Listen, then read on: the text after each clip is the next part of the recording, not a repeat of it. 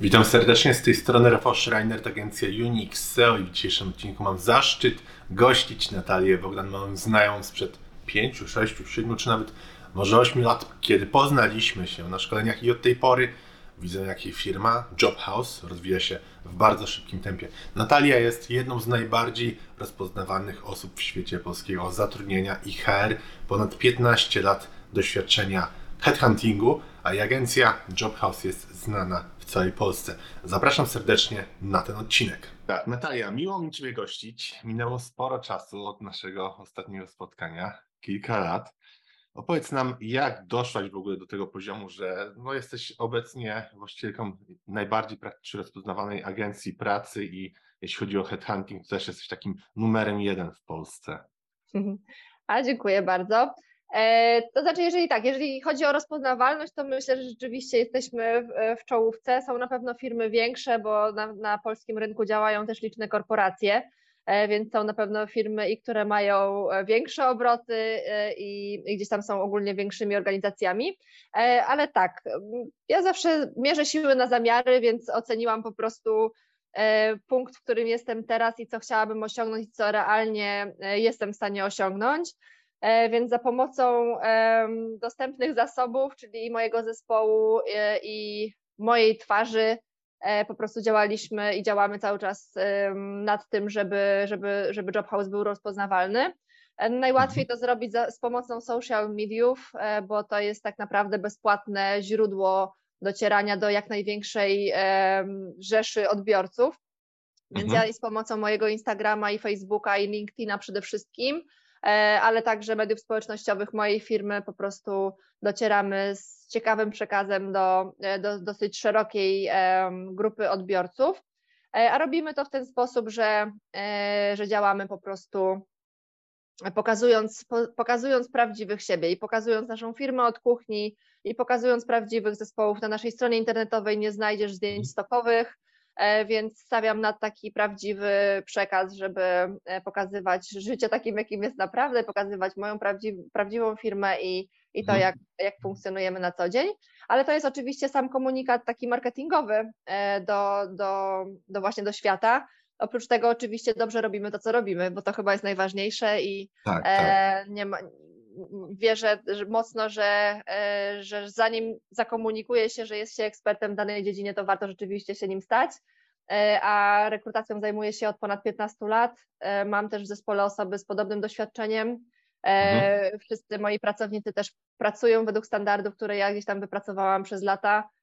I rzeczywiście klienci mówią nam o tym, że, że działamy przede wszystkim skutecznie, działamy też szybko, I, no i dajemy z siebie wszystko. Myślę, że to też nas odróżnia od korporacji, że e, raz, że mój zespół mało rotuje. Oczywiście zdarzają się jakieś osoby, które gdzieś tam z biegiem czasu um, odchodzą, czy zmieniają, zmieniają mhm. barwy, ale generalnie mam stały zespół i w odróżnieniu od dużych firm, gdzie, gdzie ta rotacja jest naprawdę ogromna, e, to, to jest coś, co nas wyróżnia, no bo to jest problematyczne dla klientów, że poznaje ich jakiś konsultant, no, współpracuje tak. z nimi, a później za pół mhm. roku mhm. zmienia się ktoś inny, już nie wie o co chodzi, nie zna, nie zna klienta, więc u mnie najczęściej jest tak, że jedna osoba się opiekuje klientem przez wiele lat. E, no mhm. No i ja też te wszystkie projekty, które robimy, nadzoruję, e, więc też dbamy o to, żeby właśnie one zamykały się szybko i, i naprawdę dobrymi, dobrymi kandydatami. Więc to jest chyba mhm. taki, jeżeli mogłabym moją wypowiedź streścić do, do dwóch zdań, tak. to i dwóch takich punktów to, to przede wszystkim jakość e, i dbanie o tym, żeby świat też usłyszał o tych naszych sukcesach. Natalia, to co mnie zaciekawiło w Twojej wypowiedzi, to są dwa takie fakty. Pierwsze, to jak używasz social mediów i dwa, że macie taką retencję u siebie.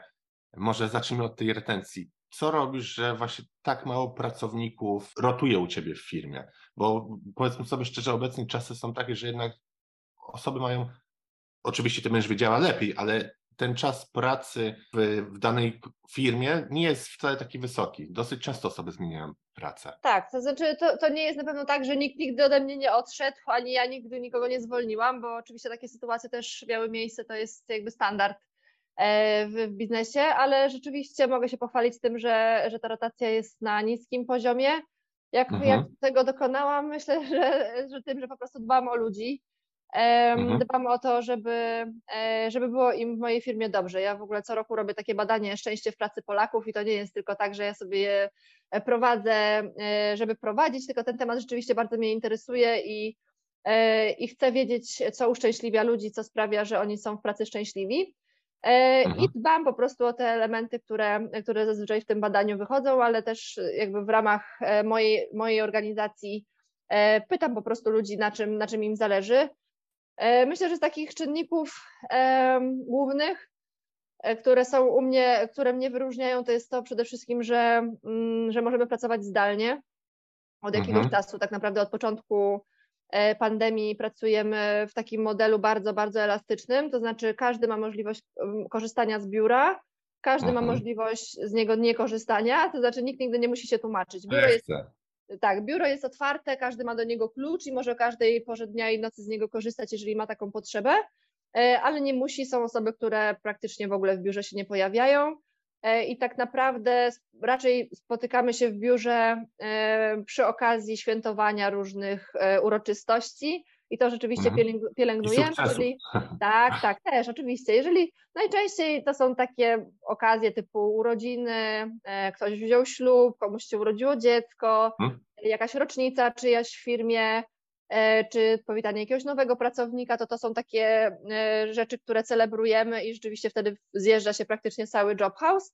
E, ale to są takie czynności, że tak powiem, rozrywkowe, bardziej integru integrujące, więc zawsze jest ciasto, najczęściej takie, które gdzieś tam e, sami też przygotowujemy, e, więc to jest takie coś, jak, jak też dbam o taką, o taką codzienność, ale właśnie myślę, że ten, taka, taka elastyczność jest bardzo istotna dla pracowników w dzisiejszych czasach.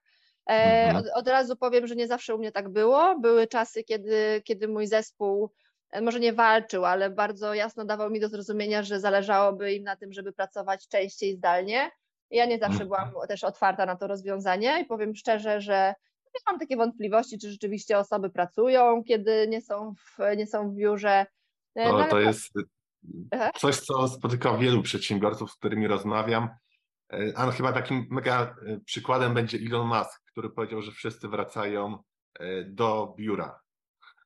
Tak, no pytanie, ile z jego zespołu zostanie, bo, bo ludzie się przyzwyczaili po prostu do pracy zdalnej. Ja, ja sama to widzę po sobie, więc ja nie wyobrażam sobie, jeżeli sama czuję, że ta praca daje mi, praca zdalna daje mi dużo więcej możliwości, bo ja też mam możliwość, nie wiem, żeby zjeść obiad z moją rodziną, czy, czy właśnie nie stoję w korkach przez godzinę w jedną stronę, godzinę w drugą stronę. Tak, nie, ma, tak. nie marnuję mnóstwa czasu na te, na te dojazdy no to nie wyobrażam sobie, że, że zmuszam do tego moich pracowników, po prostu. E, oczywiście moja branża też jest na tyle specyficzna, że, że u mnie to, to działa, tak? E, rekrutacja, rekrutację można robić z tak. dowolnego miejsca na ziemi. Oczywiście są firmy, które no, no muszą fizycznie być przy tym, e, przy tym stanowisku pracy, ale moim zdaniem to dotyczy głównie stanowisk takich fizycznych. Jeżeli chodzi o prace biurowe, to moim zdaniem prawie każde, wszystkie czynności można wykonywać zdalnie, więc no nie wyobrażam sobie, żeby zmuszać do tego mój zespół, jeżeli sama, sama też pracuję w dużej mierze e, zdalnie. No, tak. E, no i co, tak generalnie o ludzi, no tak, jestem raczej takim szefem, e, jestem raczej takim szefem łagodnym, słucham tego, czego mój zespół potrzebuje. Mhm. Oczywiście też e, to nie jest tak, że u mnie wszystko jest idealnie, no bo też moja firma nie jest na tyle ogromna, że mogę, nie wiem, zapewnić ludziom pensje jakieś takie e, bardzo, bardzo wygórowane.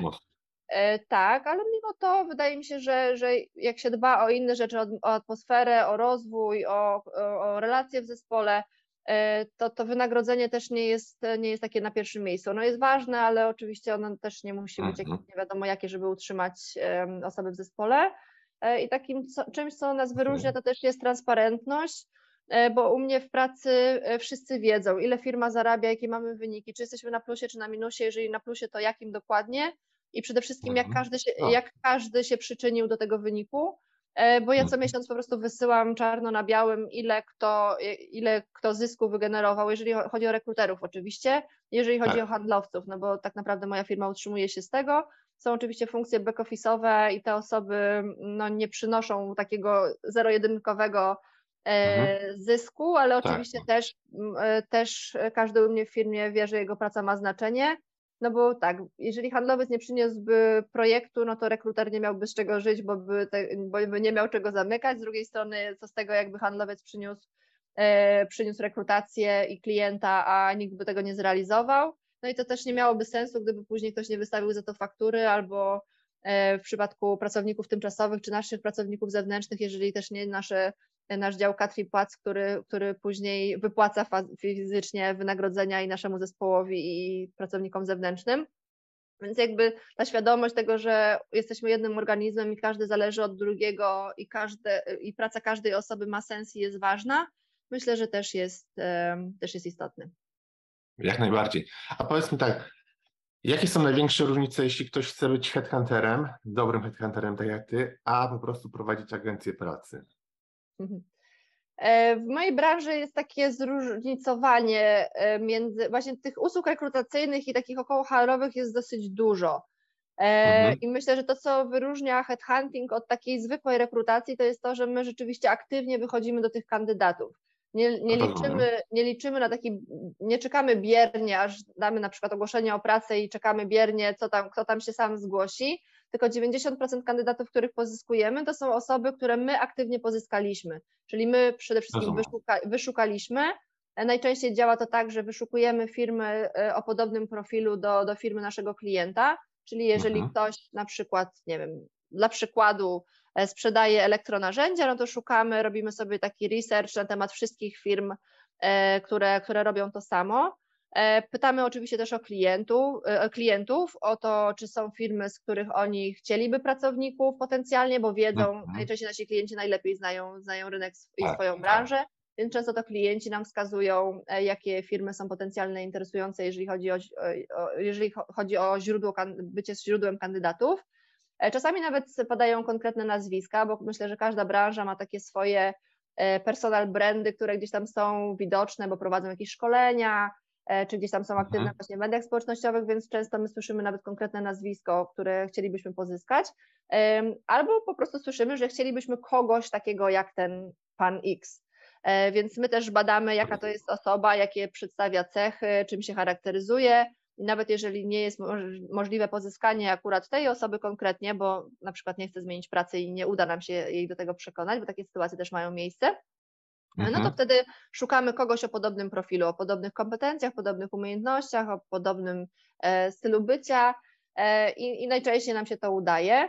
Więc e, i, i, taki headhunting to jest taki headhunting prawdziwy i taki, mhm. który wymaga rzeczywiście trochę większych kompetencji niż samo zamieszczenie ogłoszenia, no bo załóż, umówmy się, że ogłoszenie może dać każdy. Oczywiście to też można Dokładnie. zrobić lepiej, lepiej i gorzej i tego też, e, też uczę, że dobre ogłoszenie też ma znaczenie E, ale zawsze rekomenduję, żeby, żeby to nie było jedyne źródło pozyskiwania kandydatów, bo jest tych źródeł mhm. znacznie więcej i żyjemy w takich czasach, kiedy de facto każdy, kto chce pracować, pracuje. Stopa bezrobocia jest tak niska, no, że raczej rzadko się zdarza. To tak. są raczej jakieś mm, epizody w naszym życiu, kiedy akurat straciliśmy pracę albo akurat się skurzyliśmy na naszego szefa, już powiedzieliśmy dość i chcemy pracę zmienić ale tak naprawdę to jest jakiś bardzo krótki wycinek naszego życia. To jest czasami, w przypadku programistów, to mhm. śmiejemy się często, że to są 4 sekundy, bo oni już zaraz mają inną ofertę.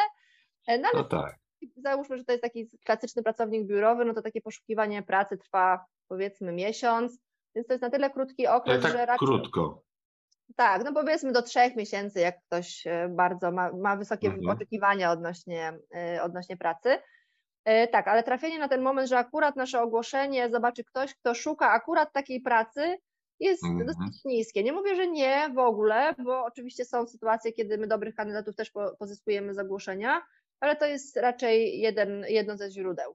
E, a to, jak aktywnie podejdziemy do kandydata, zachęcimy go, bo to też dobry rekruter e, powinien być dobrym handlowcem, on powinien umieć sprzedać tą tak. ofertę przedstawić się tak, wiedzieć przede wszystkim, co jego grupa docelowa, potencjalny kandydat, czego oczekuje, czego szuka, co jest dla niego ważne i tak przedstawić mhm. mu tą ofertę, żeby on się też nią zainteresował.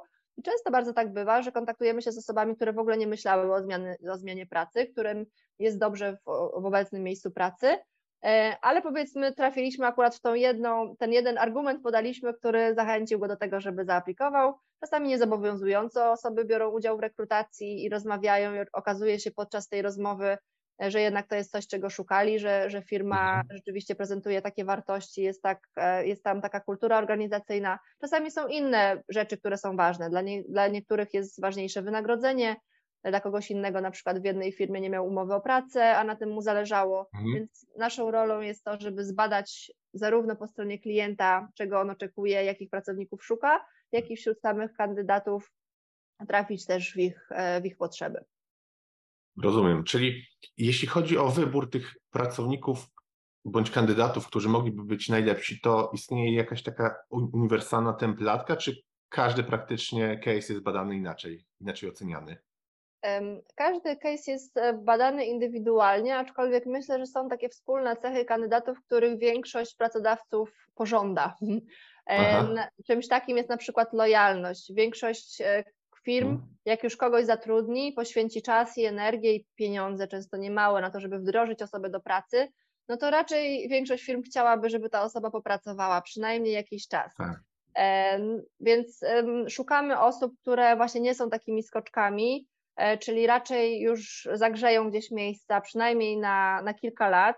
I to jesteśmy w stanie podczas rekrutacji zidentyfikować. Już tak naprawdę na, na podstawie CV często to widać, jak często osoba zmienia pracę. E, więc to jest chyba taki główny, e, główny element.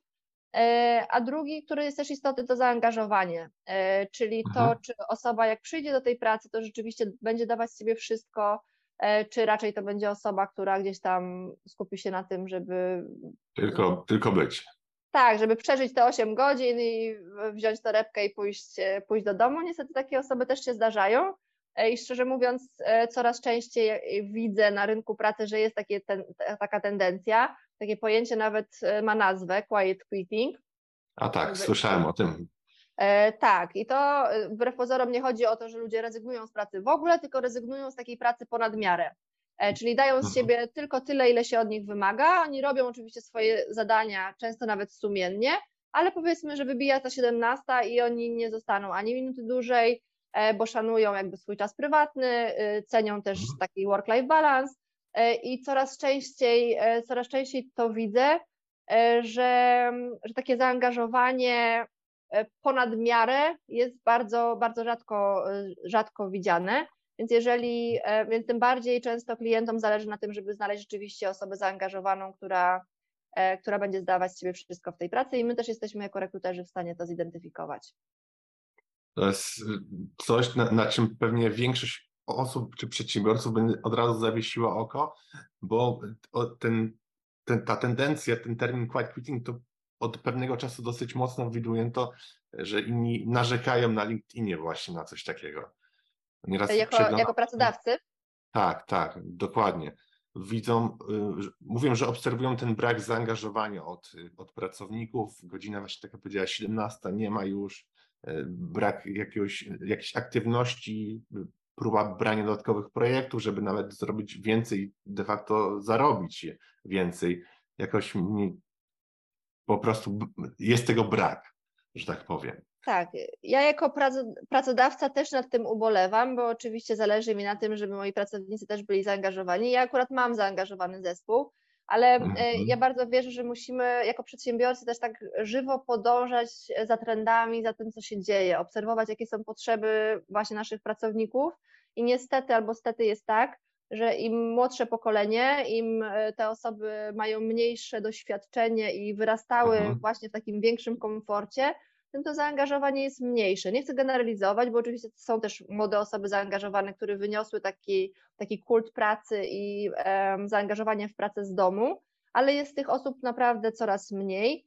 E, I niestety, jako pracodawcy, po prostu musimy to zrozumieć, tak, dostosować nasze miejsca pracy, żeby właśnie to, co robimy, było bardziej zadaniowe, bardziej elastyczne, bardziej umożliwiało właśnie to zachowanie e, równowagi między pracą a życiem prywatnym.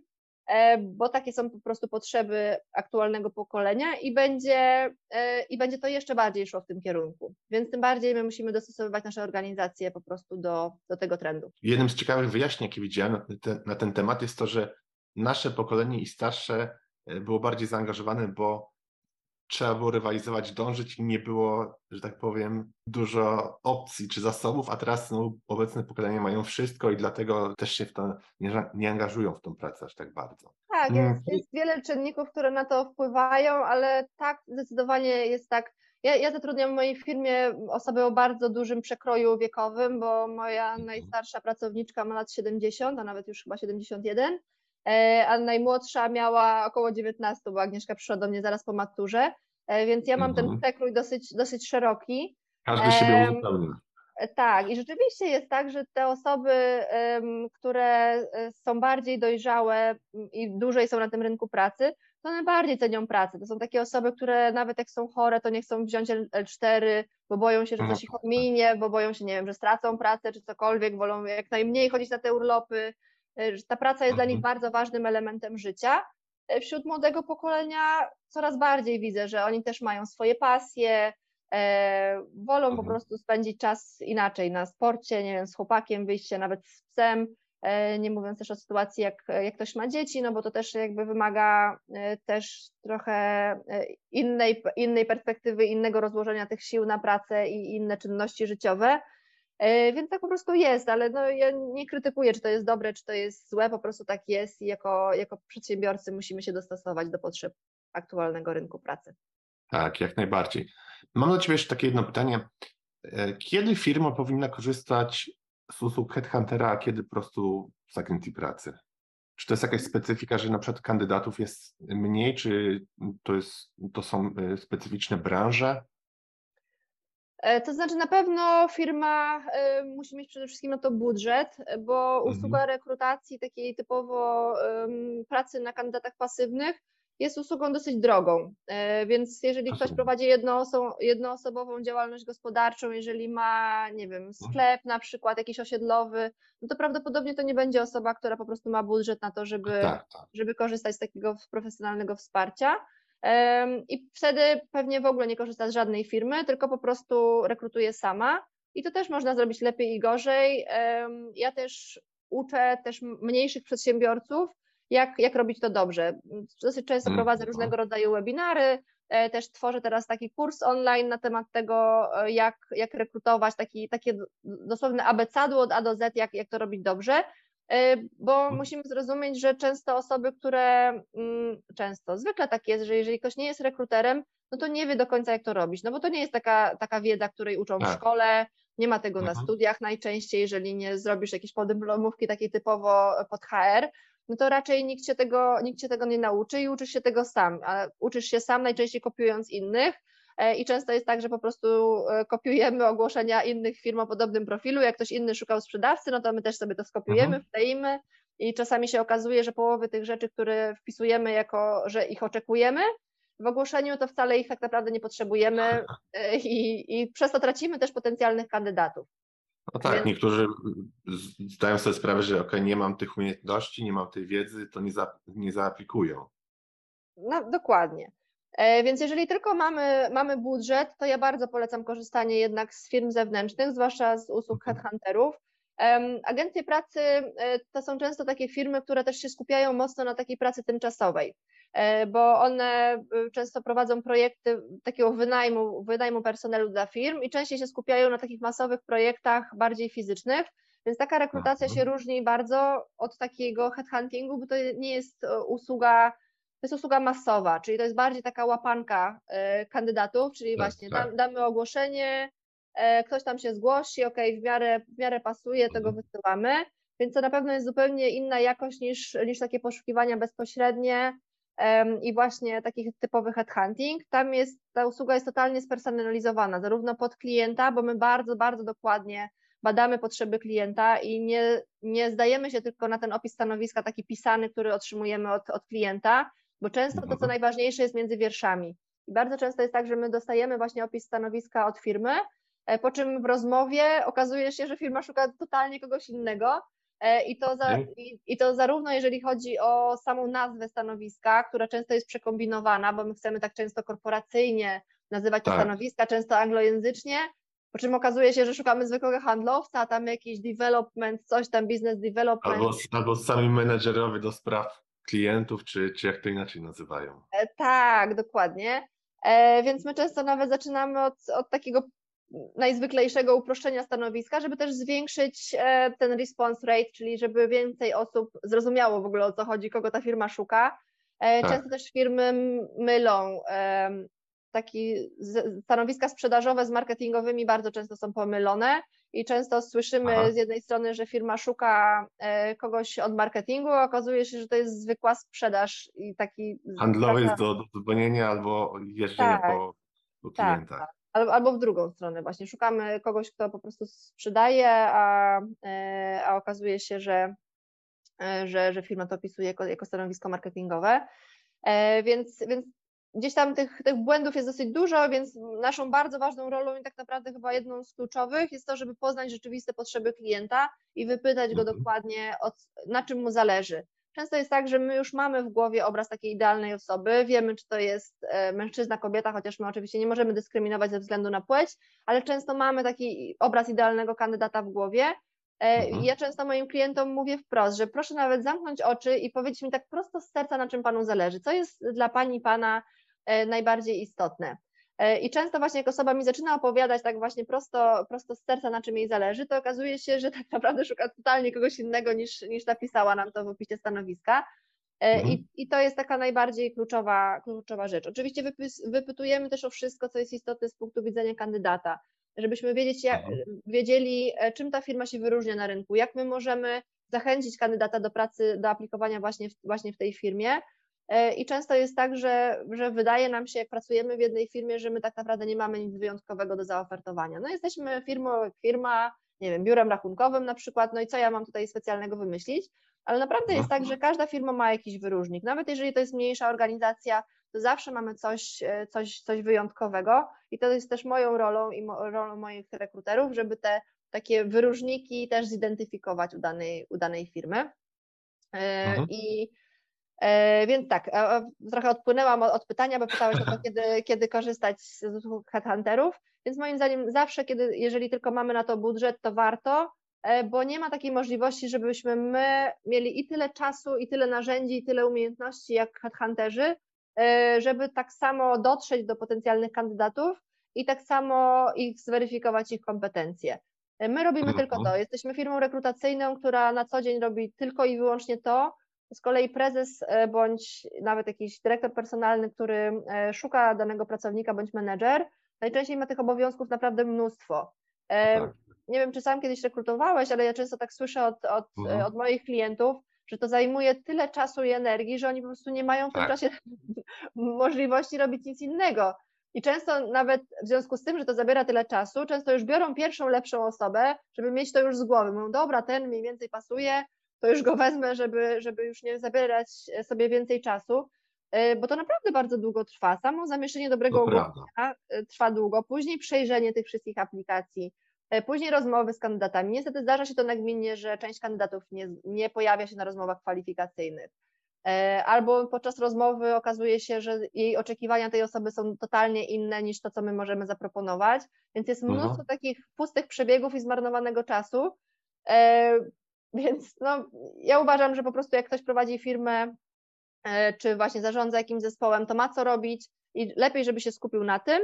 My bierzemy to wszystko, robimy ten proces rekrutacji od A do Z totalnie samodzielnie i przedstawiamy tylko takie perełki, które my już rekomendujemy do zatrudnienia. Więc często to są dwie, trzy osoby, które naszym zdaniem idealnie pasują do tej firmy, do, do oczekiwań klienta i klient może już sobie wybrać tylko totalnie emocjonalnie, po prostu zobaczyć, czy jest chemia z daną osobą, bardziej czy pasuje.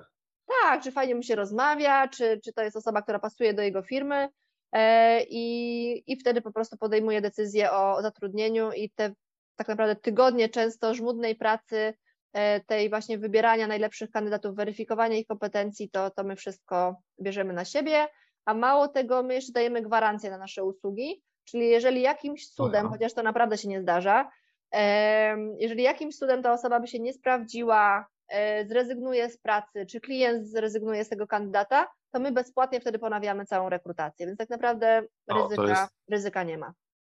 To jest bardzo fajny wyróżnik, zero ryzyka. Tutaj z tym się zgadzam w 100%. Jeśli chodzi o, o to, co powiedziałaś, że przedsiębiorcy, firmy powinny korzystać z usług, to ja też jestem jak najbardziej za, bo powiedzmy tak, księgowość zlecamy, hmm? inne usługi zlecamy, a są takie, okej, to rekrutacja zrobię samemu, co w tym trudnego, a później się okazuje, że tych spotkań jest masa, masa pustych przebiegów, osoby nie przychodzą i w efekcie zatrudni się kogoś, kto jest nieodpowiedni na dane stanowisko, sam czas wdrożenia później, koszty wdrożenia i to robią się kwoty 10-20 tysięcy za samo to, że ktoś parę miesięcy pracuje w firmie, a nie jest dobrym meczem dla nas. Tak, nawet kiedyś Michael Page pokusił się o wycenę tego, ile kosztuje nieudana rekrutacja. Oni policzyli koszty właśnie poszukiwania tej osoby, wdrożenia jej czasu też pracy poświęconego na to i wycenili, że to jest koszt ponad 90 tysięcy złotych. E, I to było badanie z 2019 roku, dodam, więc zakładam, że biorąc pod uwagę e, tak, inflację, to te koszty są, e, są jeszcze wyższe. I też to było takie uśrednione dla, dla średniego poziomu stanowisk, więc podejrzewam, że jak mamy fuck up w przypadku e, jakiegoś dyrektora zarządzającego, to myślę, że te koszty są naprawdę dużo, dużo większe, łącznie z potencjałem na położenie całej firmy, niestety. Tak, e, jeśli chodzi o poziom, e, ten C-level, to często obserwuję e, cały czas zmian na stanowisku CMO. Te, te mhm. osoby odpowiedzialne za marketing bardzo często się zmieniają. W moim przynajmniej odczuciu, e, chyba najczęściej z tego poziomu C-level, jeśli mówimy o osobach zarządzających. A jak oceniasz obecnie sytuację na polskim rynku pracy i co przewidujesz, że w przyszłości się stanie? Będziemy szli w tym samym kierunku co teraz, czy może jednak nie chcę to już nic sugerować, bo właśnie to jest takie pytanie dla Ciebie. Czy, czy coś widzisz, coś może się zmienić, czy będziemy mieli taki trend, jaki jest obecnie?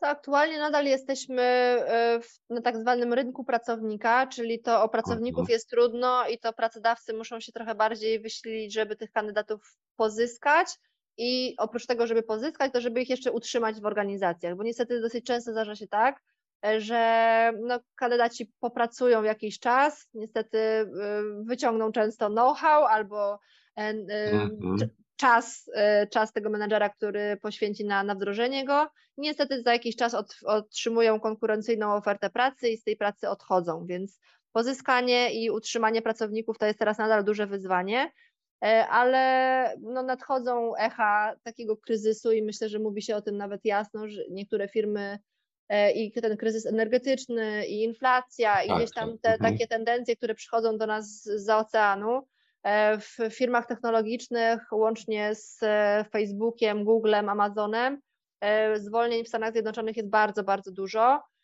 Też ja nawet, nawet obserwuję taki kalkulator w cudzysłowie, który pokazuje właśnie planowane i już dokonane zwolnienia i tam w samym tym roku było tych zwolnień kilkanaście już tysięcy. W niektórych firmach mhm. nawet po kilkuset pracowników, nawet tam chyba około tysiąca widziałam w niektórych. I nie chciałbym też źle strzelić, ale chyba albo Twitter, albo e, Meta, Facebook 11 tysięcy pracowników zwolnili. Dokładnie, Meta, e, Meta dokładnie, e, czyli mhm. Facebook 11 tysięcy, więc w tych firmach technologicznych, e-commerce'owych, takich właśnie około, około IT, tych zwolnień jest naprawdę bardzo dużo. A no niestety jest tak, że z oceanu najczęściej z jakimś opóźnieniem to wszystko przychodzi do nas, więc no, musimy być raczej przygotowani na ten czarny scenariusz, że podobna sytuacja będzie u nas, ale e, to też nie jest tak, ten rynek zmienia się teraz tak dynamicznie, że ja praktycznie w ciągu ostatnich kilku lat była najpierw pandemia, później pandemia się skończyła, e, później e, to tak, jak była pandemia, no to zamrozili uh -huh. nam klienci wszystkie rekrutacje. My nie mieliśmy co robić um, przez dobrych parę miesięcy. Ja, ja, odbierałam tylko telefony. Um, tak, no bo był, jakby było no wiadomo, że firmy się bały, co będzie, e, tak. firm, część firm gdzieś tam e, mocno to też odczuło finansowo, więc ja tylko odbierałam telefon za telefonem, Pani Natalio, wstrzymujemy wszystkie rekrutacje, e, zobaczymy za miesiąc, za dwa, może w maju. No i generalnie był taki czas, kiedy przez kilka miesięcy totalnie nikt praktycznie nie rekrutował. Nawet jeden z portali ogłoszeniowych, z którym, na którym zamieszczamy ogłoszenia, no to oni mówili, że też praktycznie z dnia na dzień nie mają prawie ogłoszeń tak, nikt nie, nikt nie zamieszcza nowych ogłoszeń. E, więc były, były takie czasy. Później e, powiedzmy przyzwyczailiśmy się do tej nowej sytuacji, gdzieś tam te mhm. lockdowny zaczęli, zaczęli ściągać, więc firmy najpierw pozwalniały ludzi, a później szybko musi, musiały uzupełnić braki. E, tak, i no i była znowu masowa rekrutacja, wszyscy rekrutowali na potęgę, szukali, no bo już coś się miało, miało zmieniać. Więc teraz ta, ta sytuacja jeszcze trochę trwa, ona się ustabilizowała, ale nadal gdzieś tam firmy bardziej szukają, szukają pracowników. E, no i mhm. pewnie teraz znowu będzie ten kryzys i więc będą, będą na pewno zwolnienia i będzie znowu gorzej, ale ja bym się tak mocno tym nie przejmowała, no bo po każdym kryzysie zawsze wychodzi słońce i zaraz pewnie Dokładnie. E, znowu ta sytuacja się odwróci, więc ja już się przyzwyczaiłam do tego, że, że rynek pracy to jest taka sinusoida. E, ja naprawdę przeżyłam już czasy, kiedy ludzie do mojej firmy stali w kolejce z reklamówkami, w których mieli CV i i pytali, czy mamy jakąkolwiek pracę, po takie, kiedy po prostu mhm. nie przychodził nikt miesiącami i nic się nie działo. Um, Więc tak po, prostu, tak po prostu jest. Trzeba się elastycznie do tego dostosowywać, trzeba tak dostosowywać usługi, które, które proponujemy i też my jako kandydaci e, też musimy się dostosować do tego, żeby, żeby być elastycznymi i być też gotow, warto być gotowym też na, na gorsze czasy, czyli mieć jakąś poduszkę finansową, E, tak, czy tak. właśnie zadbać zawczasu o kompetencje, które są uniwersalne i nawet jeżeli w naszej firmie będą zwolnienia, to że będziemy w stanie sobie poradzić w innej branży. Mhm. Jak najbardziej tutaj też zgadzam się w 100%. A czy jest coś takiego, bo masz na co dzień kontakt z innymi firmami, obserwujesz jakieś błędy, które się powtarzają regularnie w zarządzaniu, może nawet nie związane do końca z rekrutacją, z HR, a może coś y, ostatnio zobaczyłaś jakiś wzór? Myślę, że każdy, każdy gdzieś tam popełnia błędy, nie ma, nie ma idealnych szefów, ja sama się za taką nie uważam. To, co takie jest najbardziej widoczne, to, to właśnie chyba ten, ten wątek pracy zdalnej, że wiele firm jest na to mhm. zamkniętych e, i widzę, że wiele firm gdzieś tam w bólach tylko się przy, przystało na, na właśnie ten model hybrydowy, chociaż mam wielu klientów, którzy mówią wprost, że nie, że oni nie akceptują tej pracy zdalnej, nie, potrzebują, żeby skonsultować projekty przy biurku i są na to zamknięci. I moim mhm. zdaniem tracą te mhm. firmy bardzo dużo, bo tracą i pracowników stałych ze swojego zespołu, e, i tracą potencjalnych nowych kandydatów, którzy mogliby wnieść fajną wartość do, do organizacji. No z takich grzechów menedżerów, e, no to co, micromanagement na pewno, czyli takie zabieranie e, de decyzyjności pracownikom, bardzo ingerowanie w sposób tego, jak oni działają, narzucanie pewnych wzorców, bardzo taka duża kontrola, to też często, często jest w firmach. Ja sama widzę po, po mojej firmie, że im, im więcej władzy w cudzysłowie daje pracownikom decyzyjności, takiej też elastyczności w działaniu. E, u mnie każdy rekruter, jak przychodzi do pracy, no to wie, że on ma jakiś cel postawiony, najczęściej finansowy, który powinien osiągnąć, ale jak ten cel osiągnie, to ja zostawiam mu wolną rękę. Dla mnie nie ma znaczenia, czy ktoś się bardzo namęczy przy rekrutacji, e, tak. czy, czy będzie miał na tyle bogatą sieć kontaktów, że dla niego to będzie kilka telefonów, żeby zrekrutować daną osobę, a wręcz dla mnie będzie lepiej, no bo szybciej to nastąpi. E, więc ja na przykład tak działam, ale widzę po wielu firmach, że jednak jest takie narzucanie sposobu działania, e, gdzieś tam te, te takie KPI, jakieś na przykład, nie wiem, musisz wykonać 10 rozmów kwalifikacyjnych dziennie albo ileś tam telefonów handlowych, bo tylko wtedy E, jakby będziesz mógł sobie odhaczyć w tabelce, że ten dzień został będzie... wykonany.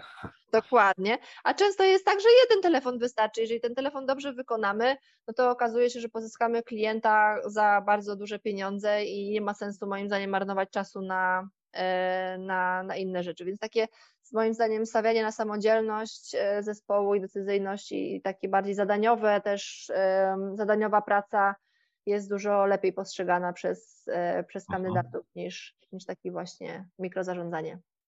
A jakie jest Twoje spojrzenie na employer branding? Mhm. To tak, firmy, które na to stać, najczęściej mają już świadomość, że warto o to zadbać, więc takie podstawy typu zakładka kariera, mhm. gdzieś tam jakieś takie podstawowe, chociaż pokazanie firmy w mediach społecznościowych, to, to coraz więcej firm o to dba. E, ale nadal, nadal jest tutaj duże pole do zagospodarowania.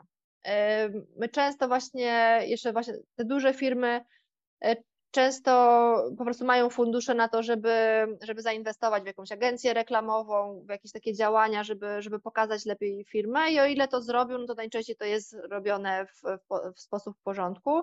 Często też takie korporacje mają możliwość po prostu wydzielenia nawet specjalistów do spraw employer brandingu, mhm. takich działów gdzieś tam, czy w ramach marketingu, czy w HR, w HR y, najczęściej HR-u y, i są osoby, które, które o to dbają, więc jest coraz lepiej.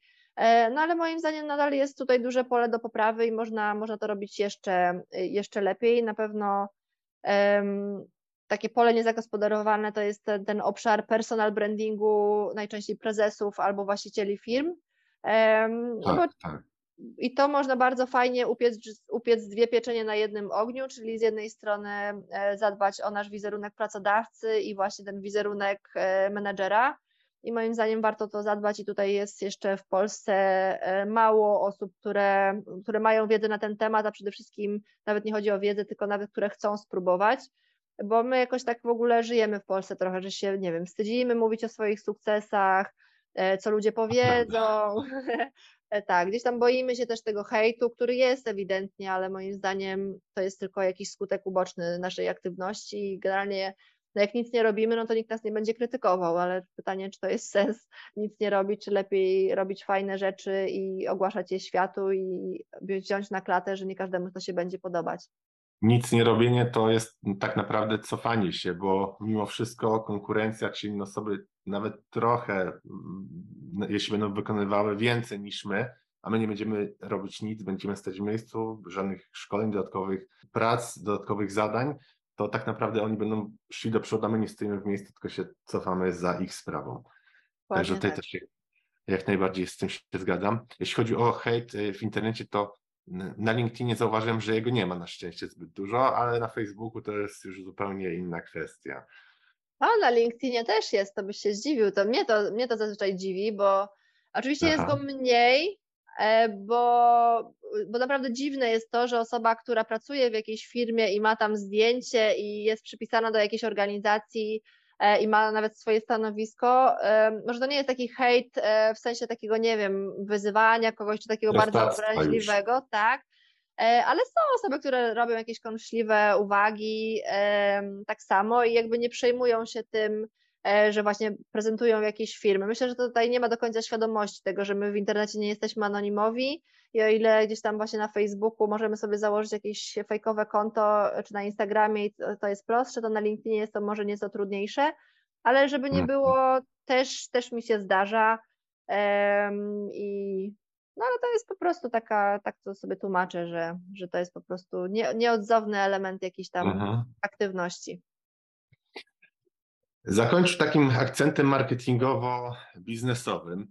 Gdybyś miała zaczynać od początku, to jak zaplanowałabyś swój marketing, czy ogólnie biznes? Czy, czy organicznie byś się starała rozwijać firmę, czy może za pomocą reklam, czy eventów? E, jak byś to zrobiła?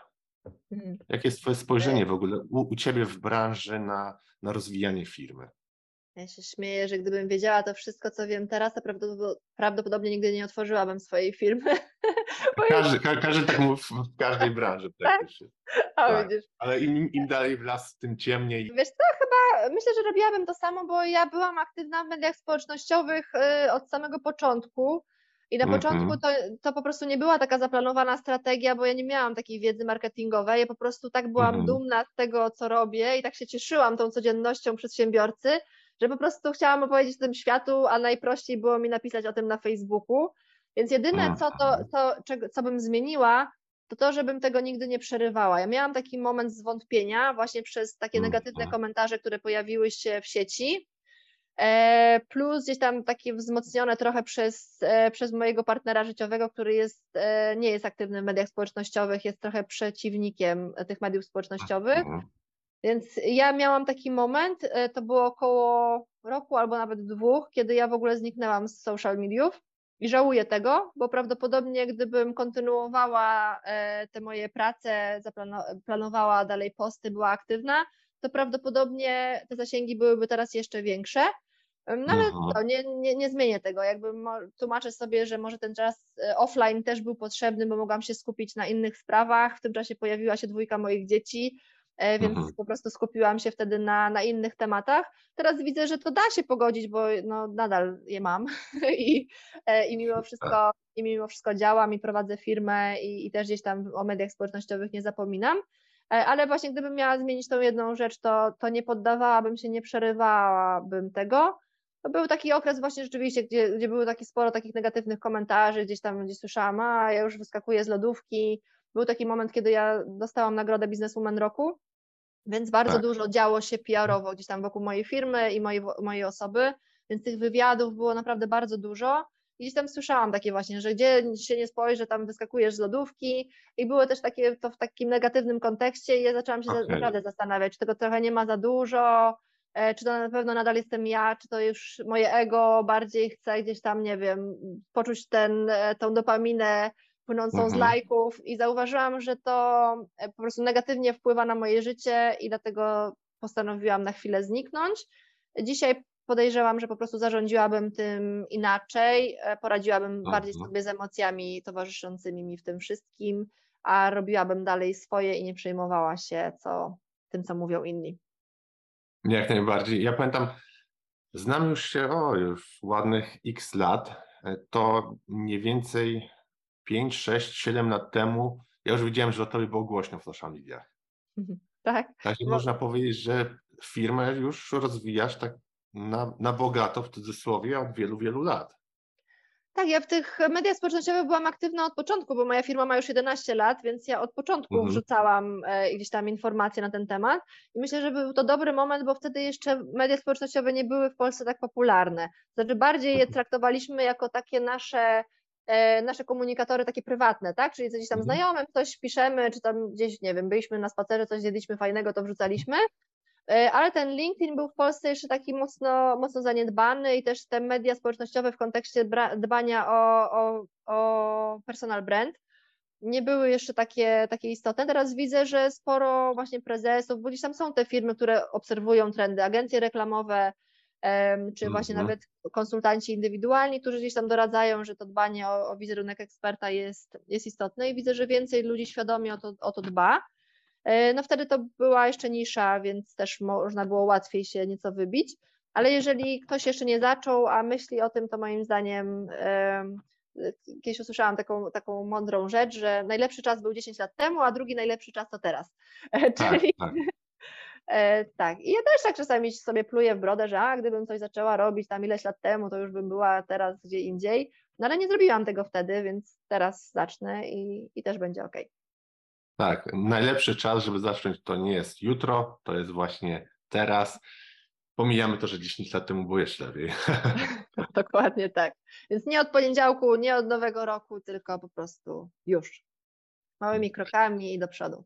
Dokładnie. Natalia, jeśli ktoś chciałby się z Tobą skontaktować, to przez stronę Jobhouse, czy gdzieś można Ciebie szukać e, w socialach? E, Najłatwiej znaleźć mnie na LinkedInie i na Instagramie. E, Na LinkedInie ja też przedstawiam w obu tych mediach społecznościowych trochę inną stronę mojej osoby i mojej firmy, bo LinkedIn to portal taki bardziej zawodowy, profesjonalny, więc tam są bardziej merytoryczne treści, a jeszcze więcej publikuję na Instagramie, ale tam tak bardziej z przymrużeniem oka i można e, Żeby bardziej być tylko. E, e, Nie, nie tylko, żeby być tam, też pokazuję O. wartościowe treści, ale można tam zobaczyć e, po prostu taki bardziej backstage i mojej firmy, i trochę mojego życia prywatnego, więc w zależności od tego, e, kogo co bardziej interesuje, to tam zapraszam, a jeżeli kogoś interesuje wszystko, to zapraszam i tu, i tu. Można śmiało do mnie na, napisać wiadomość, e, czy na Insta, czy na, na LinkedInie, e, że słuchaliście tego podcastu, E, Dajcie znać, czy Wam się podobał, czy coś ciekawego z niego, coś ciekawego z niego wynieśliście. Takie wiadomości są dla mnie zawsze bardzo wartościowe i motywujące, więc zapraszam do, do kontaktu. Ja dziękuję za rozmowę. Moim gościem była Natalia Bogdan, założycielka agencji pracy Jobhouse i headhunter z ponad 15-letnim doświadczeniem. Dziękuję Natalia jeszcze raz za rozmowę. Dziękuję Rafał za zaproszenie. Gotowy rozwinąć swój biznes z Unixel? Przyśpiesz i wrzuć wyższy bieg. Bez znaczenia, czy prowadzisz duży e-commerce, czy lokalną firmę usługową. Za pomocą Google Ads, kampanii social media, w tym Facebook, LinkedIn, TikTok, Instagram i innych, a także pozycjonując organicznie w wyszukiwarkach, Unixel jest w stanie regularnie dowozić Tobie nowych klientów. Podejmij współpracę z najlepszym partnerem już teraz. Wejdź na unixel.pl i wypełnij formularz.